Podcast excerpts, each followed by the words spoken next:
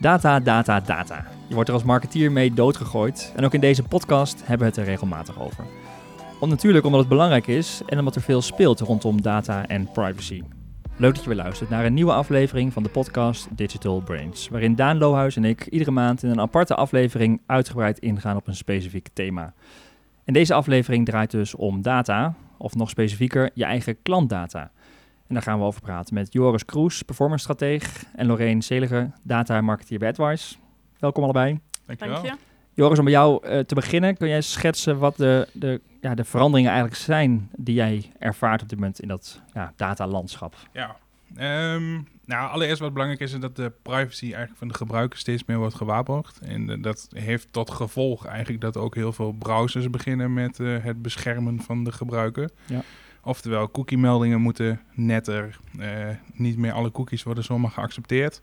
En nou ja, dat zorgt wel voor de uitdaging voor de marketeer dat je dus een, een gebruiker minder goed kunt herkennen. Ehm, dus het wordt steeds belangrijker om je eigen data te hebben over een gebruiker. Heb je een e-mailadres, voornaam, achternaam, wat je maar zou kunnen hebben om rechtstreeks in contact te komen. Ja, want we komen uit een tijdperk dat eigenlijk de cookie voor alles centraal stond om de doelgroep te kunnen bereiken. Ja, waarmee je alles eh, kon laten en doen wat je wilde, zeg maar. En Ja. je mag iedereen trekken. En uh, er ook gebeurde stiekem- ook heel veel. Stiekem onder water werd je als een soort met een ID gewoon gevolgd als gebruiker. inderdaad. Ja. Over meerdere websites heen. Dat zijn die third-party Ja, cookies. Zeker. Dat eh, iedereen meekeek met wat je op nu.nl deed. En vervolgens kwam je op een andere site. En dan wist je wat je op nu.nl had bekeken. ja. Beetje geprofileerd. En ook met in analytics terugzien van gebruikers. Dat je weet van, oh, die array die we hebben vorige week ook gezien. Ja. En dat gaat er dus inderdaad, ja, het stiekem gaat eraf. Maar dat was ook de, Ja. wel de kracht van digital marketing. Dat je zo één op één, zo specifiek iemand kon bereiken. Maar dat gaat dus wel echt veranderen. Nou ja, enerzijds wel, anderzijds niet. Eh, ik denk nog steeds dat als jij een goede strategie hebt om nou ja, hoe ga je met je klant om, wat kun je hem bieden aan extra's. Eh, denk bijvoorbeeld ook aan een spaarprogramma. Nou ja, heel veel Zodat mensen, je inlogt en het niet meer stiekem Ja, hoeft. Heel eigenlijk. veel mensen willen in ruil daarvoor prima gegevens afgeven. En ehm, nou ja, dus het, het wordt wat anders. Je moet ook echt iets er tegenover stellen. Ehm, en ik denk daarnaast een andere verandering die er nu wel heel erg gaande is, is dat heel veel platformen steeds meer zelflerend worden. Ja. Eh, dus het optimaliseert zich allemaal zelf. Nou ja, op het moment dat je dan drie, vier platformen hebt draaien en ze zijn allemaal hun eigen dingen aan het doen, dan is het wel steeds lastig om daar de regie over te houden. Eh, dus je bent eigenlijk op zoek naar iets waardoor jij eh, nou je eigen regie kunt voeren, je eigen doelgroepen kunt Ja, want je bedoelt, die platformen hebben zoveel intelligentie dat die eigenlijk al die details en die kennis van die klant hebben. En jijzelf als merk bijna niet meer of steeds Ja. minder. Ja, het wordt steeds minder. Je bent steeds meer afhankelijk zeg maar, van, eh, van de algoritmes van de machine learning. Wat op zich heel positief is, want de resultaten zijn wel echt beter sinds eh, dat soort nou ja, toevoegingen eigenlijk aan platformen. Maar het maakt het spelletje ook wat, ja, wat complexer in sommige En gevallen. welke platformen zijn er bijvoorbeeld? Want ik kan voorstellen dat je eigen platformen hebt gekocht door dat je iets van software hebt gekocht voor een mijnomgeving of iets dergelijks, maar ook een Google, Facebook, Ja, dat soort. nou ja, vooral inderdaad eh, als je het hebt over Google Ads bijvoorbeeld. Ehm, als je het hebt over Facebook. Ja, heel vaak. Nou, eigenlijk de, beste targeting is soms eh, zo breed mogelijk. En zeg Mm. maar wat een aankoop is en eh, ga maar gewoon. Dan gaat het platform het zelf allemaal optimaliseren. Ja, en- dan gaat het platform voor jou sturen. Alleen ja, op het moment dat je dan nou ja, zegt... ik heb iemand op Facebook getarget en iemand op Google getarget... ja, waar zit die dan nog precies in jouw journey? Ja. Eh, wat heeft hij gezien? Ehm, nou, en daar wil je eigenlijk wel iets meer... Ja, dat is je onderscheidend vermogen uiteindelijk als organisatie. Want iedereen kan in principe een Facebook-ad gaan draaien met de intelligentie en de data van Facebook. Ja. Alleen als jij meer weet over die klant, eh, ook wat hij op Google heeft gedaan van je eigen journeys of daar een profiel van opgebouwd, dan heb je dus een voorsprong. Ja, je kunt ook gerichter zijn natuurlijk. Ja, maar Lorraine, klantdata eh, ja, wordt dus eigenlijk weer centraal. Hè? Ja. Centraler en misschien zelfs nog wel kwalitatiever dan een cookie. Ehm, ja, hoe organiseer je dat dan? Want eh, Joris schetste net, heel veel kan er niet meer hè, door de cookies. Maar wat kun je wel doen om toch op een bepaalde manier klantdata te verzamelen? Ja, daar is dus eigenlijk eh, een CDP, dus een, eh, ja, een, de plek zeg maar, om je data centraal eh, te stellen, is daar echt een uitkomst voor. Het is eigenlijk de manier om verschillende marketingplatformen eraan te koppelen en waardoor je alle data centraal kan stellen. En zo heb je zowel als de marketeer als de klant heb je daar gewoon meer grip op. En dan Hm. heb je alles gewoon gecentraliseerd op één plek. Een een CDP is een soort van tooling, database, waar je dan centraal dat verzamelt en beheert? Ja, zo kun je het wel stellen inderdaad. Het is eigenlijk de plek waarin je dus, ja, bij wijze van spreken, eh, nou ja, je kunt de doelgroepen in samenstellen in combinatie van alle data wat op één plek komt. Nou, die informatie kun je dus weer mooi eh, pushen naar een marketingkanaal zoals een Facebook of Google Ads. Hm. Dus die kun je weer van extra informatie voorzien. En ja, dat is denk ik heel erg mooi om eh, op die manier, doordat je al die data op één plek hebt, om eh, die kanalen daarmee te voeden. Ja, het is dus een stap verder dan zeg maar je ERP of je Ja. boekhoudsysteem waar je echt je klantgegevens in hebt. Je gaat hier ook weer je campagnes in aansturen. Ja, En, eh, exact. Dus ja. je kan je campagnes daarmee verrijken. Je kan doelgroepen opzetten doordat je nou ja, al die data op één plek hebt. Daardoor kun je ook weer verbanden zien en kun je gewoon ja, de doelgroepen verrijken wat, wat in het verleden van, ja, wat niet kon of moeilijker was. Dus eh, dat is denk ik heel erg mooi om het op die manier in te zetten. En, en kun je dan zeggen dat je de intelligentie van de platforms, wat Joris net schetste, dus met die eh, AI, de machine learning, Ja, eh, eigenlijk nog waardevoller maakt, omdat je daar je eigen hele specifieke data aan toevoegt, wat ook een ander niet heeft? zeker. Want je, je hoeft niet alleen gebruik te maken van de standaard eh, kanalen, om het maar zo te zeggen. Maar je kan natuurlijk ook externe koppelingen maken. Dus misschien heb je een, een database waarin je eh, ja, relevante informatie in hebt staan. Die kun je dus ook eventueel koppelen aan zo'n CDP. Mhm. En dat is natuurlijk informatie die je normaal gesproken, als je een, een doelgroep opzet binnen Facebook, kun je die informatie niet gebruiken. Die heb je niet ter beschikking. En doordat je zo'n centrale database hebt, ja, kan je die verbanden zien. En eh, kan je dat dus als eh, ruling zeg maar instellen voor je doelgroep. Ja, want Dus, eh, neem eens een voorbeeld. Facebook die weet natuurlijk een hele hoop van je, een hele hoop context. Ja. Maar weet niet hoe mijn klant mijn product of dienst gebruikt. Wat zijn bijvoorbeeld variabelen of labels in zo'n customer data platform die ik als klant bijvoorbeeld kan hebben die Facebook niet weet? Kun je daar een paar voorbeelden van geven? Ja, dat zou bijvoorbeeld kunnen zijn, eh, bijvoorbeeld wat mijn laatste aankoop is geweest. Dan weet je bijvoorbeeld dat je, op, nou ja, omdat we dat dus weten en geregistreerd hebben binnen zo'n centrale database, dat je misschien geen advertenties moet gaan inrichten met bepaalde aanbiedingen, omdat wij weten dat iemand Ja, bepaalde dus aankoop dit lost al ook op, heeft die, die, die hoor je altijd. Die heeft iedereen Ja? die heeft Retargeting. ergens gehoord. Ja, die retargeting die werkt niet. Nee. Die schoenen heb ik al een keer gekocht, zeg maar. Ja. Dat komt omdat het vroeger natuurlijk al de baas van cookies was. En dan heeft je, die cookie je net even gemist met het, bij de checkout of zo. Waardoor je inderdaad die schoenen blijft zien.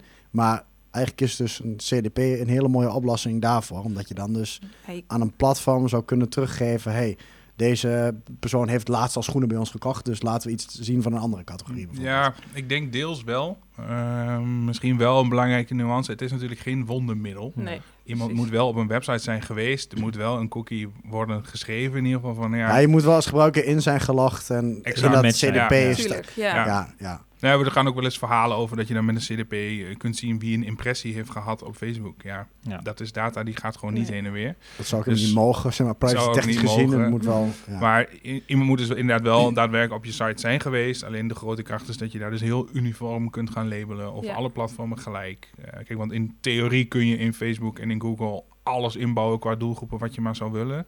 Maar goed, dan is binnen al je kanalen ben je dat dan drie keer aan het doen. Het is heel veel werk, het is heel Mhm. veel tagging. En ja, eigenlijk is het veel makkelijker als je daar dus één centrale tool tussen zou hebben. Ja. En dat is ook echt nog wel een groot, groot voordeel daarvan. Ja, want je ziet ook, ehm, als ik kijk nu naar die, ehm oeh, dan moet ik even weer goed nadenken. We hebben laatst in de Puls hebben we het over gehad. Die ehm, pilot van Google met die, eh, die custom au- audiences heet het geloof ik. Waar ze nu ook zeggen van, in je kunt nu ook retargetinglijsten dus bij Facebook dan up gaan, gaan uploaden. Ja. Dat was eerst een pilot voor als je 50k budget had. Ja. Nu wordt dat voor meer klanten. En dan zeggen ze echt van, doe maar een CSV van je klanten.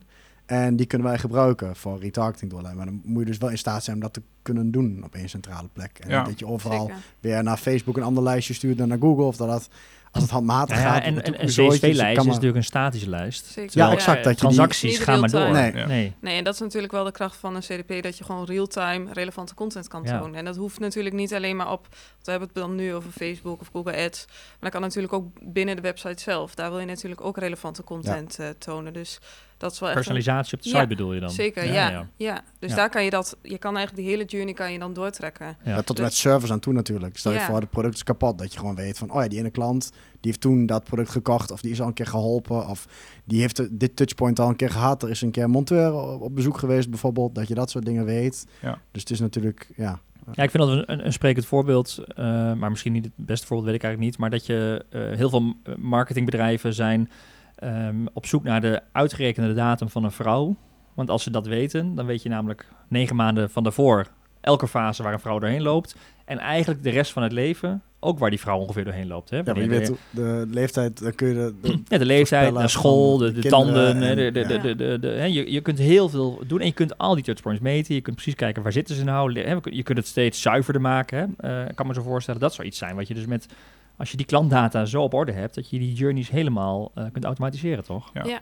Ja, en het voordeel is dan ja, wat ze dan het, het stitchen noemen van data. Dat op het moment dat je Stitchen. ja, ergens Aan elkaar Eh, naaien. Ja, je- het is eigenlijk Ja, zo van, oké, ik heb daar een identifier gevonden Ja. via Facebook, bij wijze van, eh, nou, maar die heb ik daar al een keer eerder op dat hele profiel opgeschreven. Nou ja, omdat ik dan ergens weer een link heb kunnen leggen, kan ik eigenlijk de rest ook weer activeren, want Ja. ik weet weer wie het is. Ja. Ja. Omdat je dat op die manier hebt Ja, opgeslagen. dus bij wijze van spreken, je weet de geboortedatum, hè, nog even het voorbeeld van die vrouw. Maar op een gegeven moment weet je ook het geslacht wat het geworden is. Eh, jongetje, meisje, dan kun je daar weer vervolgacties op doen. Dan kun je het weer verder personaliseren. Dan kun je het Ja, weer verrijken. en, en dan over al je platformen. Ja, Want ja, dat is natuurlijk het mooie, dat je ergens ga je mensen wel herkennen. Ja. Ja. En ja, hoe meer van die herkenningspunten je hebt, hoe groter de kans wordt dat je iemand eh, nou ja, op de juiste manier kunt targeten. Ja.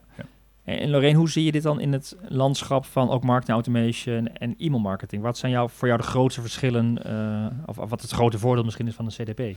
Nou ja, juist eh, zoals we net al vertelde, dat je die hele journey zeg maar kan verlengen. Dus je hebt die ene centrale plek waarin je dus allemaal nou ja, lijntjes zeg maar uitzet.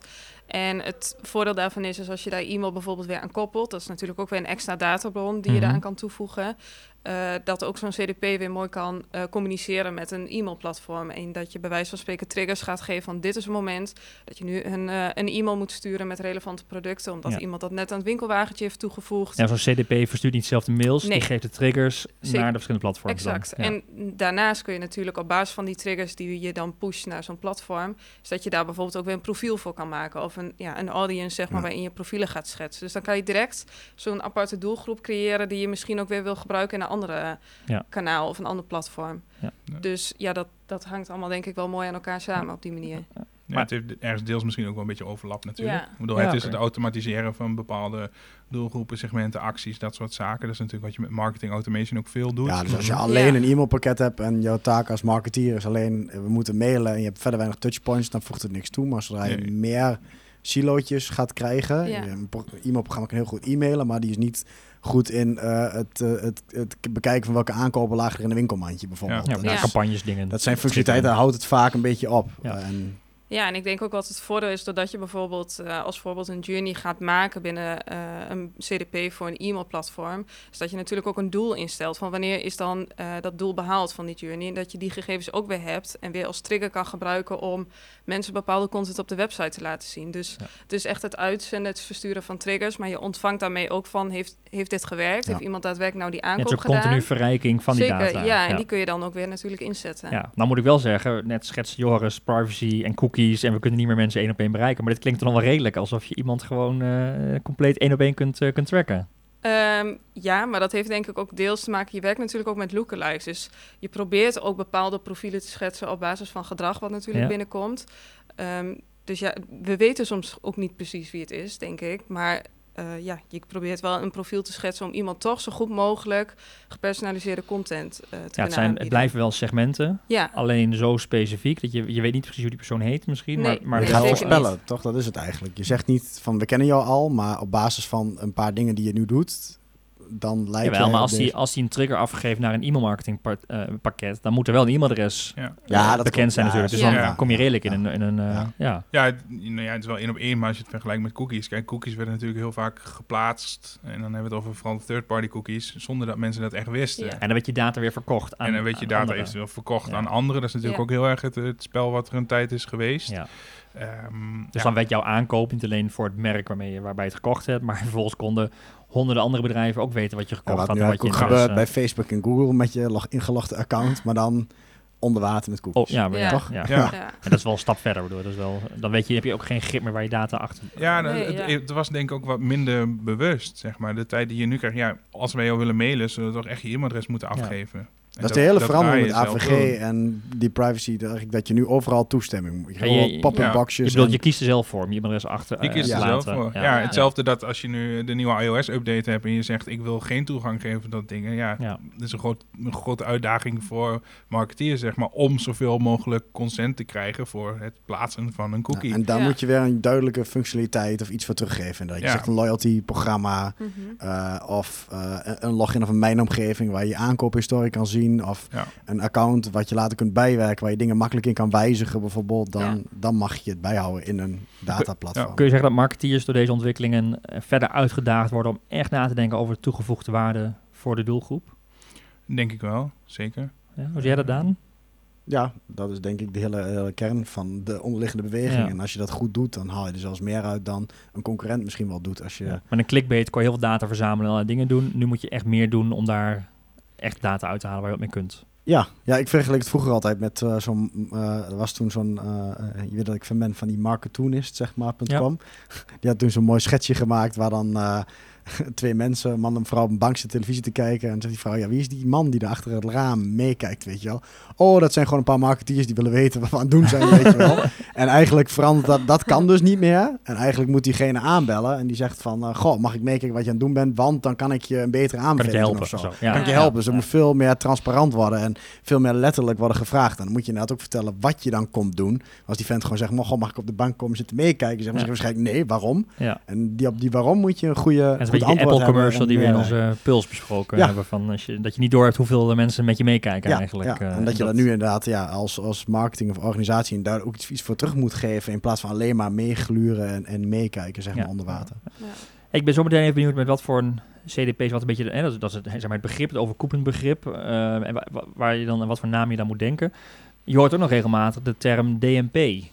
Eh, wat is daar dan het verschil in? Ehm, ja, een, een DMP gaat veel meer over geanonimiseerde data eigenlijk. Dus over het, het plaatsen van cookies. Dus daar heb je het meer over nou ja, je advertising kanalen met elkaar afstemmen. Ehm, terwijl voor een CDP heb je het echt over klantdata. Customer, dat is die. C versus een D, zeg maar. Ja. het, eh, Ja, en DMP wordt natuurlijk nu ook minder. Al, als het niet al überhaupt eruit gaat, omdat de tracker gewoon lastiger wordt. Ja, Ja. dat is echt een, een- ja, een, een- een- iets wat gewoon gaat verdwijnen, verwacht je. Ja, nou ja, deels. Kijk, je hebt nog wel een aantal dingen zoals contextual targeting, wat steeds meer gaat komen. En misschien dat daar ook nog wel weer dingen omheen komen. Dus dat Ja. is toch weer profielen. Of ja, er zijn genoeg zaken gaande waarop er toch nog geadverteerd kan worden. Ja. Eh, maar sommige dingen gaan echt wel veranderen, inderdaad. Ja. Ja. En als we het over CDP's hebben, ehm, en wat, voor een, wat zijn dan een beetje bekende namen in deze wereld, Lorraine? Wat, eh, waar werk je veel mee? Of, Ehm, nou, op dit moment werken we voornamelijk met Squeezely en Datatrix. Eh, maar er is ook, eh, zoals een Blue Conic en eh, dergelijke, dat wordt ook wel ingezet. Ehm, maar ja, mijn ervaring zit met name als het gaat om de implementatie op eh, Datatrix en Squeezely. Er zit ook wel veel overlap in en er zijn echt best wel veel CDP's. ja, je ziet dat er best wel veel CDP's worden opgezet. Eh, maar Logisch merken- ook met alle trends. En Zeker, ja. Hm. Ja, maar we merken toch wel dat of klanten bijvoorbeeld zelf al hebben, of nou ja, onze ervaring daar gewoon goed bij is, eh, dat we dan toch wel bewust voor een bepaalde eh, CDP kiezen en dat daar Ja. dan meestal onze voorkeur naar uitgaat. En de vragen die je binnenkrijgt, is men al bewust dat het om een CDP gaat? Of ik, bedoel, ik kan me voorstellen, ik wil gewoon de website personaliseren. En dan Ja. kies je zo'n tool. Ik bedoel, de, de CDP, echt de, de gedachte achter een CDP gaat verder dan ik wil gewoon af en toe een blok op de website aanpassen, toch? Klopt, ja, je, je merkt wel dat er soms wel eh, klanten zijn die denk ik eh, ja, specifiek zeggen ik wil een CDP, maar dan niet weten ja, waarom of Mhm. wat de onderliggende vraag is. En ik denk dat Joris dat ook wel eh, regelmatig bij klanten... Ja, want jij, Joris, van jouw rol, komen. denk je ook heel veel met klanten mee van, hey, moet je een CDP? Wat, is dat zinvol om daar al mee aan de slag te gaan? Hè? Dat, dat, dat is Ja. waar jij mee, ja, met dat soort vragen hou jij je bezig. Ja, kijk, eh, ehm, het belangrijkste is gewoon dat je weet waarom je het wil inzetten. Mhm. Ehm, nou ja, wat net al wat genoemd, als je alleen e-mail doet, dan zou ik geen CDP, dan zou ik gewoon een goed, een goed e-mailpakket aanbevelen. Ja. Ehm, en ja, in sommige gevallen ook, ja, als je niet weet wat je ermee wil gaan doen, geen specifieke behoefte hebt voor bepaalde acties. ehm, sommige klanten kom je tegen dat nou ja, data bijvoorbeeld nog helemaal niet goed inzichtelijk is. Als je eigenlijk zelf nog helemaal niet weet wie jouw klant is, ja, hoe gaan we dan segmenteren? Ja. Waar gaan we dan op Ja, dan segmenteren? zet je een lege huls neer die je nog überhaupt moet gaan vullen van wat doen we eigenlijk? Ja, je wil daar toch wel een bepaalde strategie achter hebben. Ehm, alhoewel aan de andere kant zijn er wel bepaalde functionaliteiten, zoals eh, je hebt nog zaken in je winkelwagen staan. Eh, ja, dat soort notificaties, ja, die kun je natuurlijk wel altijd gebruiken. Mhm. Maar goed, dan zit je dus eigenlijk alsnog weer op de vraag, wat wil je ermee gaan doen? En, Ja. ja, dat zou ook een goede reden kunnen zijn waarvoor je zegt, nou ik ga beginnen met mijn website personalisatie. Ik ga dat uitbouwen naar mijn kanalen. Ik ga op die manier groeien. Maar goed, dan heb je het dus eigenlijk alweer bijna over welke route gaan we belopen en welke strategie zetten we erachter. Ja, je hoeft niet dus volledig in één keer helemaal over te gaan. Je kunt het ook gefaseerd gaan doen, delen gaan gebruiken en steeds Ja. verder je data gaan inrichten. Ja, je zult ook heel veel eh, learnings eruit halen. Dus dat, het is sowieso altijd fijn om dingen deels gefaseerd te doen. Om goed te blijven trekken. Wat ben ik nou aan het doen? Welke impact heeft het? Eh, Ja. Als je een bepaalde conversieverbetering verwacht. Ja, misschien is het dan goed om te kijken waar die daadwerkelijk vandaan komt. Mhm. Mhm. Ehm, zodat je daar ook weer meer nieuwe slimme dingen mee kunt doen. Maar toch, als je als marketeer dit hoort, en de meeste marketeers, met name in de digital wereld, zijn best wel data-driven. Die worden hier enthousiast van. Ehm, ja, wanneer moet je het niet doen of wanneer moet je het juist wel doen? Wat zijn een beetje de afwegingen die je voor, voor jezelf moet maken daarin? Ehm, nou ja, ik, ik denk dat nou ja, alle- allereerst wij je altijd goed kunnen begeleiden, zeg maar, met wat zou je moeten doen, wanneer zou je het moeten doen. We werken zelf heel vaak met bepaalde use cases. Dus ja, ik wil graag dat mensen die iets in hun winkelwagen hebben, dat als een reminder via de mail terugkrijgen. Nou ja, dan heb je al een concrete actie. Eh, en ik denk dat je daar gewoon over na moet denken van welke acties zou ik ermee willen doen. En zodra je dat voor jezelf kunt bepalen, dan is dat volgens mij prima het moment. Ja. Ehm, maar aan de, andere, ja, aan de andere kant, ik denk dat het ook wel een hele geliefde tool is. En er soms nog mogelijk is om gewoon te gaan opschalen vanuit bijvoorbeeld een Google Ads. Hm. Ja, als je beperkte tijd hebt en daar zit het meeste rendement, ja, misschien moeten we daar eerst eens mee beginnen. En ik denk wel dat het een bepaalde volwassenheid ja, kan gebruiken om te zorgen dat je ook echt synergie tussen zaken krijgt. Ja. Eh, alvorens je dit zeg maar wil inzetten. Ja, wat ik, die noemde je ook wel eens als voorbeeld, dat je in de organisatie ook gewoon met meerdere silo's als het ware werkt. Dat je een team Ja. hebt wat e-mail marketing doet en een team wat de ads doet, die allebei met andere data werken. Zeg maar de een met gebruikers in de voorkant, dan e-mail marketing misschien ook al deel bestaande of de CRM-data gebruikt bijvoorbeeld. Ja. Dat is volgens mij ook wel een, een punt, toch? Waarop zoiets een oplossing zou kunnen Ja, zijn. ja, ik denk inderdaad dat, dat nou, dat 360 graden klantprofiel wat je daarmee opbouwt. En ook zorgen dat iedereen dat op dezelfde manier gaat gebruiken. Dat dat inderdaad ook een hele belangrijke rol is. Hm. Eh, en ja, dan heb je het inderdaad al wel weer over. Ik zet vaak dan al meerdere kanalen in. Ja. En, en dan is het een mooie next step. Ehm, ja, en het, het voordeel is wel de, de instapbedragen beginnen gewoon, eh, eh, die worden steeds eh, interessanter, zeg maar.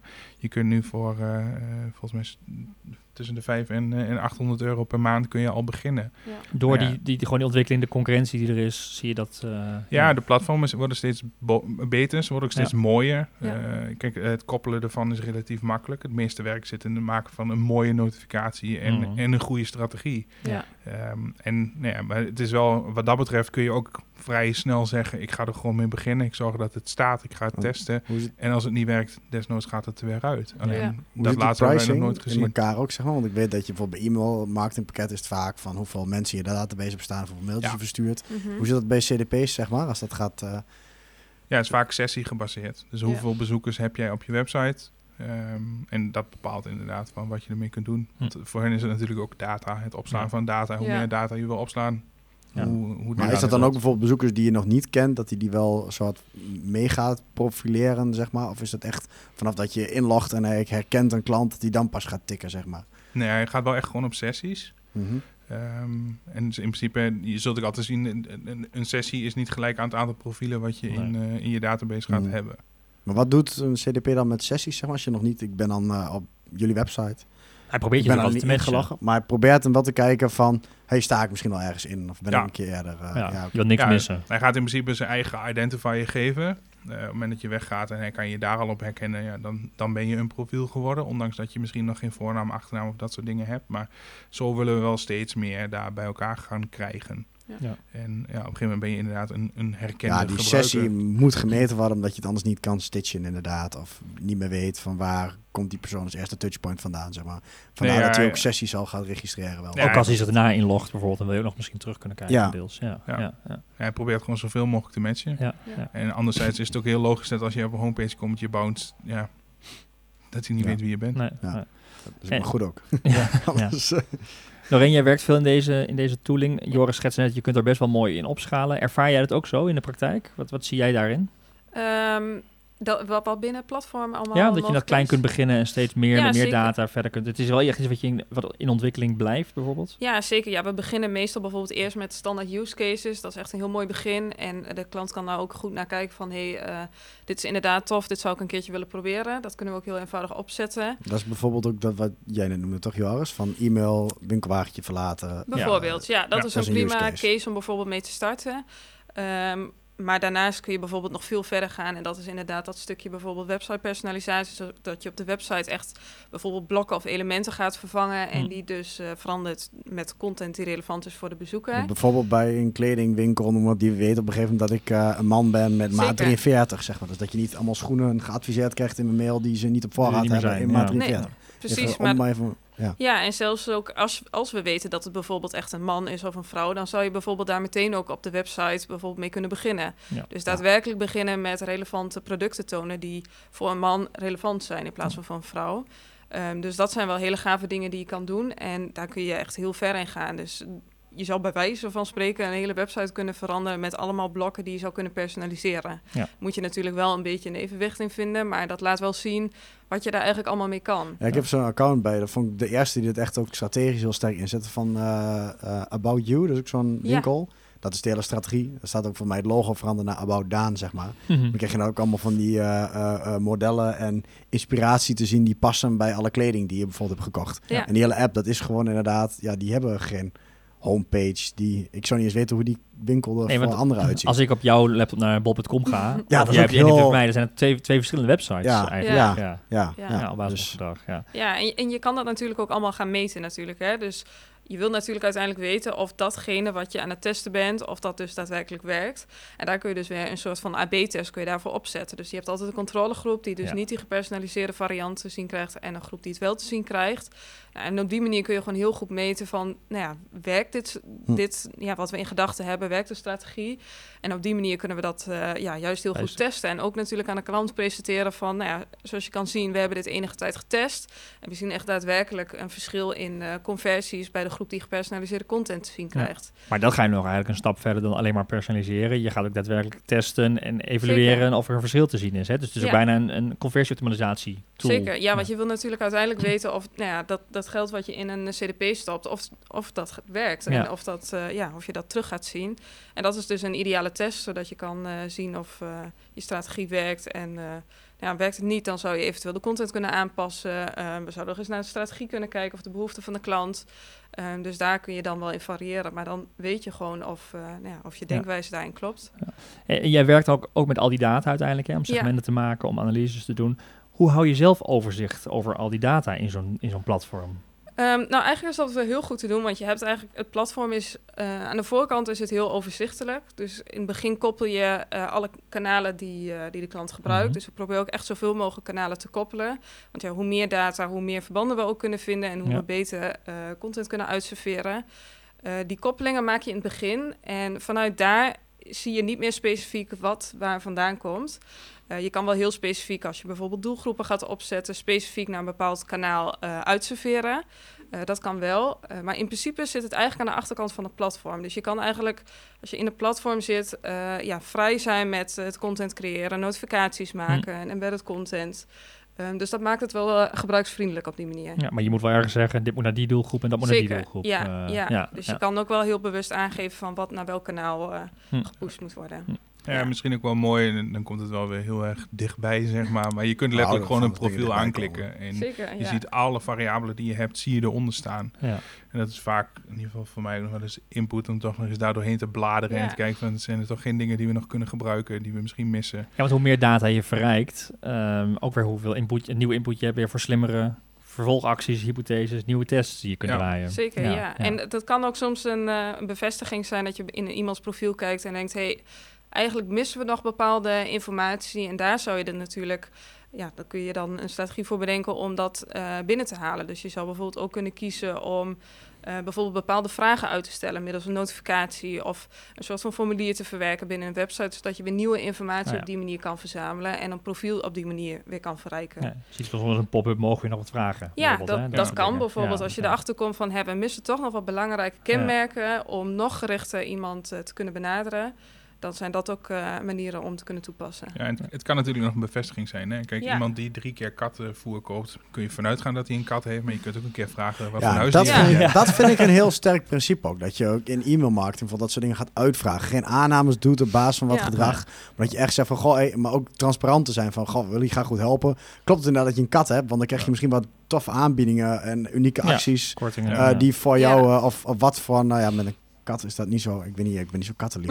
ik ben niet, of- kat is een hond. Jij bent geen kat. ik, ik wil, ik wil niet zeggen kattenlief. Ja, maar type dat hond. Hoe noem je Type dat? hond. Ja, nee, nee, nee, maar wel de, de grootte van Ja, een hond. Ik heb zelf een hond inderdaad. En dan is maakt verschil of je een chihuahua hebt. Ja, je hebt wel echt serieus voor uh, hondenriemen en dat soort dingen natuurlijk. En, Ja, maar ook eh, hoeveel, hoe snel en je een voer doorheen gaat. En, Ja, eh, Ja. ja. En Ja. daar kun je op een gegeven moment wel inderdaad vragen van, goh, wat, eh, als je even wil doorgeven wat voor type hond je hebt, dan verrassen we je af en toe met iets of Ja. eh, krijg je aanbiedingen of eh, ja, dat soort dingen. Dat, Ja. dat kun je dan dus Ja, of kunnen we, ook, kunnen we ook voorkomen dat je geen kattenvoeraanbiedingen te zien Ja. krijgt, bijvoorbeeld. Ja. Hè? Dat, dat, dat is al winst En dat is ook een beetje, denk ja. ik, Joris, wat jij in het begin schetste. Mensen geven hun, hun, zelf kiezen ervoor om informatie te geven.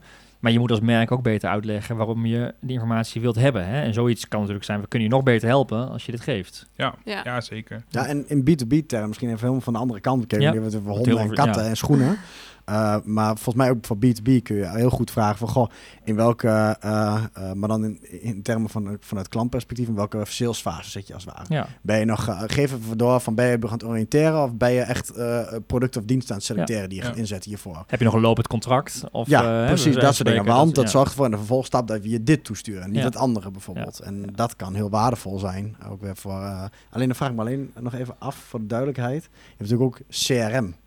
En dat is ook Customer Relationship Management en niet Ja. Customer Data Platform. Alleen wat je daar ziet, volgens mij is traditioneel, zit CRM meer in de hoek van uh, ja, uh, mensen die uh, ook klant zijn, maar meer ook salesgericht. Dan vaak je minder invoicing ook geout, Ja, je precies. Het is meer administratieve functie ja, volgens mij, je- traditioneel gezien. Als je nu ziet, alle CDP's die inderdaad ontstaan, die gaan veel meer over interactief, touchpoints, data, API's en koppelingen, waar Ja. je volgens mij, als je traditioneel meer een CRM-pakket pakt, wat eigenlijk als je sec naar de omschrijving kijkt, Customer Relationship Management en Customer Data Platform, bijna hetzelfde zou moeten betekenen, maar in de CRM-hoek veel inderdaad administratieve, klop zelf de data maar in of ontsluit misschien ergens een keer iets met een API, maar veel Ja. meer inderdaad geconnecte of triggers of variabelen hebben van een customer data platform. Ja, ik, ik denk inderdaad dat een CDP die heeft al, in ieder geval als je de juiste kiest, alle koppelingen die je graag zou willen. Mhm.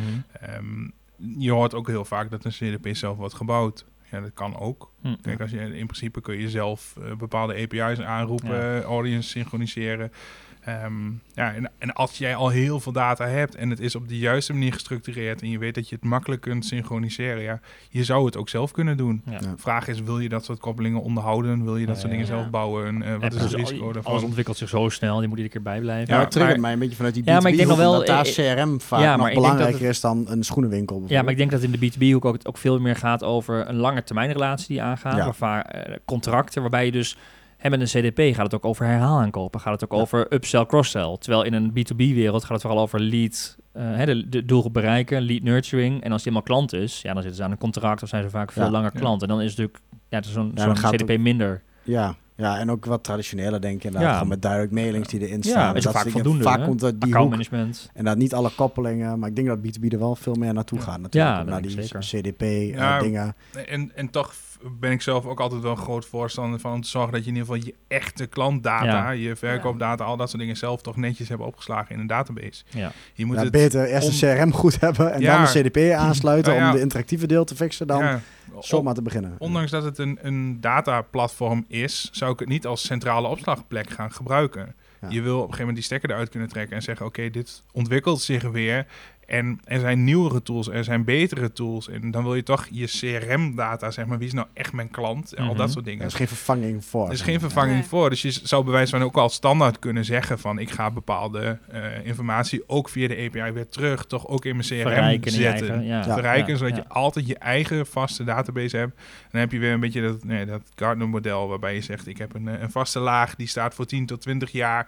Ik heb een laag met flexibele dingen die zich Ja. wat sneller ontwikkelen. Ja. En nou ja, dat soort Pace- cruciale informatie. model van, eh, van Gartner. Ja, exact. ja, ja. En die cruciale informatie, die wil je opslaan voor lange termijn. Ja. En, eh, en dat zo gebruiken. Ja. Ja, en waarin jij zei volgens mij ook in het voorgesprek, eh ter, ter voorbereiding hiervan, het is ook geen data-analyse tool. Je kunt wel heel veel analyses doen, maar het is niet echt je, je complete klantdata die je helemaal moet analyseren. Het is een tool die het communiceren met de klanten makkelijker maakt. Ja, exact. Het is eigenlijk gewoon een middel om... Is Platform, zeg maar. Ja. Ja, het is echt een platform inderdaad die je daarvoor kan gebruiken. Maar de daadwerkelijke analyses, die zal ik inderdaad niet, nee, niet binnen een platform doen. Je ziet wel bij CDP's dat ze wel be- beginnen met eh, het doen van analyses en je dan bijvoorbeeld bepaalde segmenten laten zien. Eh, maar op dit moment doen we dat voornamelijk ja, buiten het platform zelf Ja, om. het zijn gestuurde analyses die zij doen, terwijl je Ja. misschien gewoon uit je ruwe data je eigen analyses wil Ja. kunnen doen of eigen verbanden wil gaan Ja, en zien. als je Ja. kijkt naar die pacelane, is dus ook wel de conclusie, denk ik, dat dat CDP is allemaal heel snel ontwikkeld. Er komen nieuwe Ja, functionaliteit ja. bij. Ja, Je knalt precies. er een veld bij, maar je haalt het toch weer weg. En dat ga je niet in een CRM doen, zeg Nee. maar. Nee. Niet dat iemand inlogt en morgen staat deze variabele van de klant erbij en daarna is die weer weg, zeg maar. Ja. ja. Maar ja, je wat een je natuurlijk wel kan doen is als je een analyse doet die bijvoorbeeld dan buiten het platform om gebeurt, is dat je die inzichten natuurlijk wel als eventueel input kan gebruiken voor het platform Ja. zelf. Dus je zou het ja, als externe data kunnen toevoegen om, dat, ja, om de profielen op die manier eh, weer te verrijken. Dus dat zou je er Ja, bijvoorbeeld je, wel je eigen analyses, eh, Exact. weer eh, de profielen weer mee verrijken. Ja. Ja, Met nieuwe ja. inzichten die je zelf opgehaald hebt Ja. door te analyseren. Ja. Ja. zo zetten we het ook voor een aantal klanten in. Inderdaad, dat we een, we noemen dat dan voor het gemak een marketing database, waar dus vooral analytics data en dat Ja. soort dingen gecombineerd met eventueel CRM data. Dat wordt daar opgeslagen. Daar draaien we ook echt modellen erop. En de uitkomst van die modellen, dat schieten we gewoon weer in de CDP om het te kunnen uitserveren. Ja. Hm. Dus dat kan zijn dat je segment A, B of C wordt. Dat komt dan ook bij een profiel erbij op te Ja. staan. Ja. Zodat we daar weer verder campagnes op kunnen Ja, Ja, maar niet direct dat uit je- zijn eigen gedrag, maar vooral uit eigen analyses die je dan doet. Ja, dat je zegt, exact. dit soort klanten die doen normaal dit, of die vallen vaak in dat hokje, dus dan geef je ze dat label mee. zeg maar. Ja, nou, denk bijvoorbeeld aan eh, predicted lifetime value. Nou, ja, op basis van alle orders die iemand heeft gedaan, wat voorspellen we dan Ja. dat hij op lange termijn gaat Ja. opleveren, maar ook bijvoorbeeld op basis van een allereerste product. Dat is een model wat je gebruikt. om, Dat zou eh, een model kunnen voorspellen zijn. eh, van, hey, alle klanten die eh, als eerste dit kopen, zijn over het algemeen veel meer waard dan Ja. Ja. een klant Die die... verwachte eh, customer ja. lifetime Ja. value. Ja. ja, kijk, en dan heb je het wel weer echt over basis klantdata, over echt Ja. ja, g- dingen waar, waar je volledig controle wil hebben over je analyse. Die analyse misschien ook vaker doet, meer tweaken, al Ja. dat soort dingen. En dan is het gewoon fijn om dat in je eigen database met je eigen eh, BI-specialist of wie je daar ook op wil zetten, zeg maar, te gaan doen. En dat dan te gaan uitserveren via een CDP. Zo zou je het kunnen zien. Nou, misschien voorbeeld. Ik, zit even, blijf een beetje die voorbeelden hangen, want het is best wel complex. Ehm, als ik bijvoorbeeld, eh, stel we hebben een meubelwinkel. Ehm, als ik bijvoorbeeld eh, een keer een kaarsenhouder koop via een Google Shopping advertentie van een tientje als ware.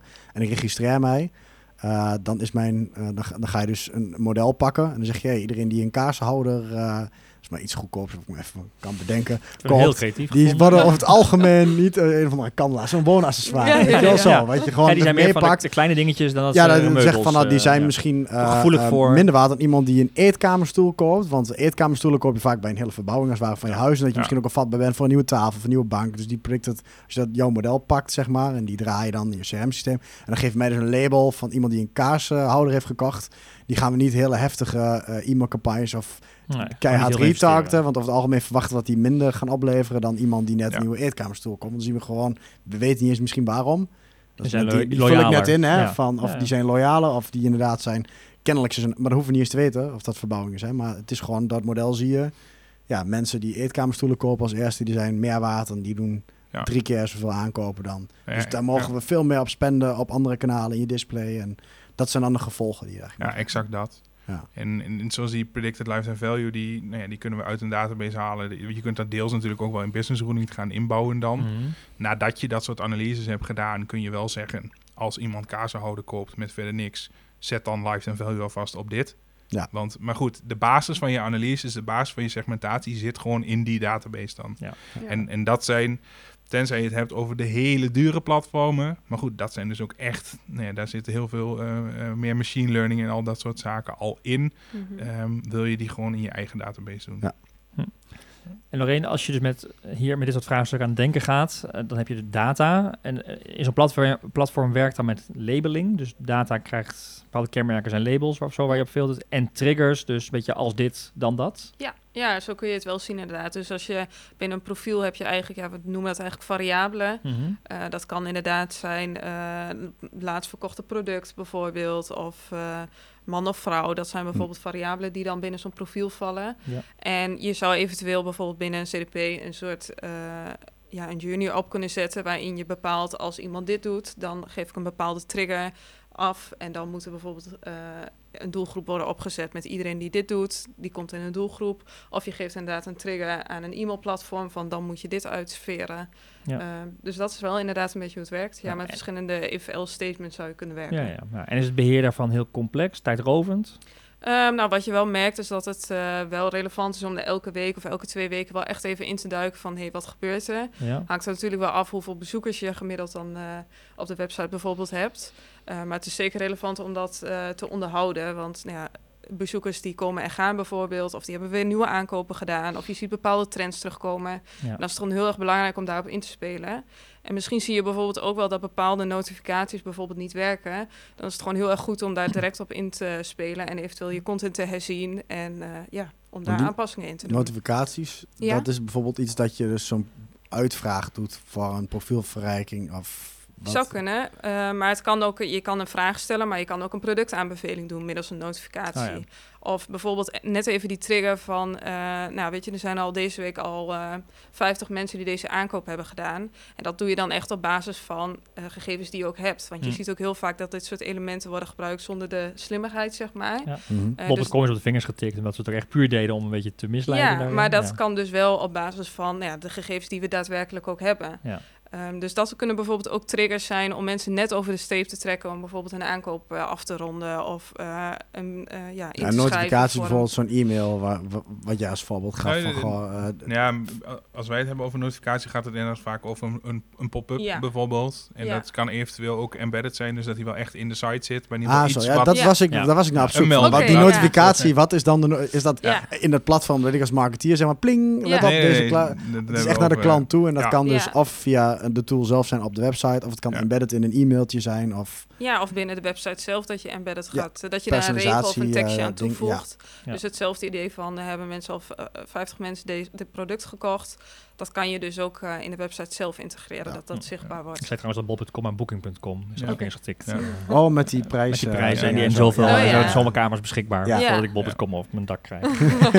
ja. En ik, ik wou nog wel heel, heel, veel- heel kort reageren op. Jij zei net van, is het dan heel erg complex? Maar nou ja, ik denk- dat we daar allemaal heel erg verbaasd over zijn op het moment dat je voor het eerst in zo'n platform inlogt. Mhm. Het is helemaal niet complex. Nee. Ja. Het is heel gebruiksvriendelijk gemaakt. Het is en knap het hoe is, simpel ze het gemaakt hebben nou ja, het is nu echt als marketeer te gebruiken. Ja. En het is misschien fijn als je een stukje kunt coderen, want dan kun je misschien net even wat lekkerder wat Ja. dingen Logica opmaken. opbouwen. Ja. Maar er zitten heel veel templates in, heel veel zaken. En nou, ik denk dat vooral de kunst is om het op de juiste manier in te zetten. En dat is waar wij ook meestal in ondersteunen. Ja, maar, maar wat Lorraine ook zegt, ook wel er echt tijd aan te besteden. Dus Ja, je zet het aan en je hoeft niet meer naar Ja. om te kijken. Je moet er wel Ja. eigenlijk altijd tijd voor Ja. vinden. Het is niet alsof je inlogt in de Matrix, zeg maar. eh, Nee, van, zeker niet. Nee. Nou ja, dat was het natuurlijk, eh, ik denk een jaar of vijf, zes terug, zeg maar, was het dat wel. En was het echt een tool die je alleen kon gebruiken als je ook echt datamodeling kon doen. Of Mhm. best wel complexe zaken. En dat is nu gewoon enorm gebruiksvriendelijk gemaakt. Ik denk Ja. dat als je als e-mailmarketeer gewend bent aan bepaalde platformen om te werken met triggers, met eh, business ruling, dan kom je echt al een heel, heel eind. Ja. Misschien dat zelfs een, een, een echt een krachtig e-mailpakket misschien wel complexer is dan een,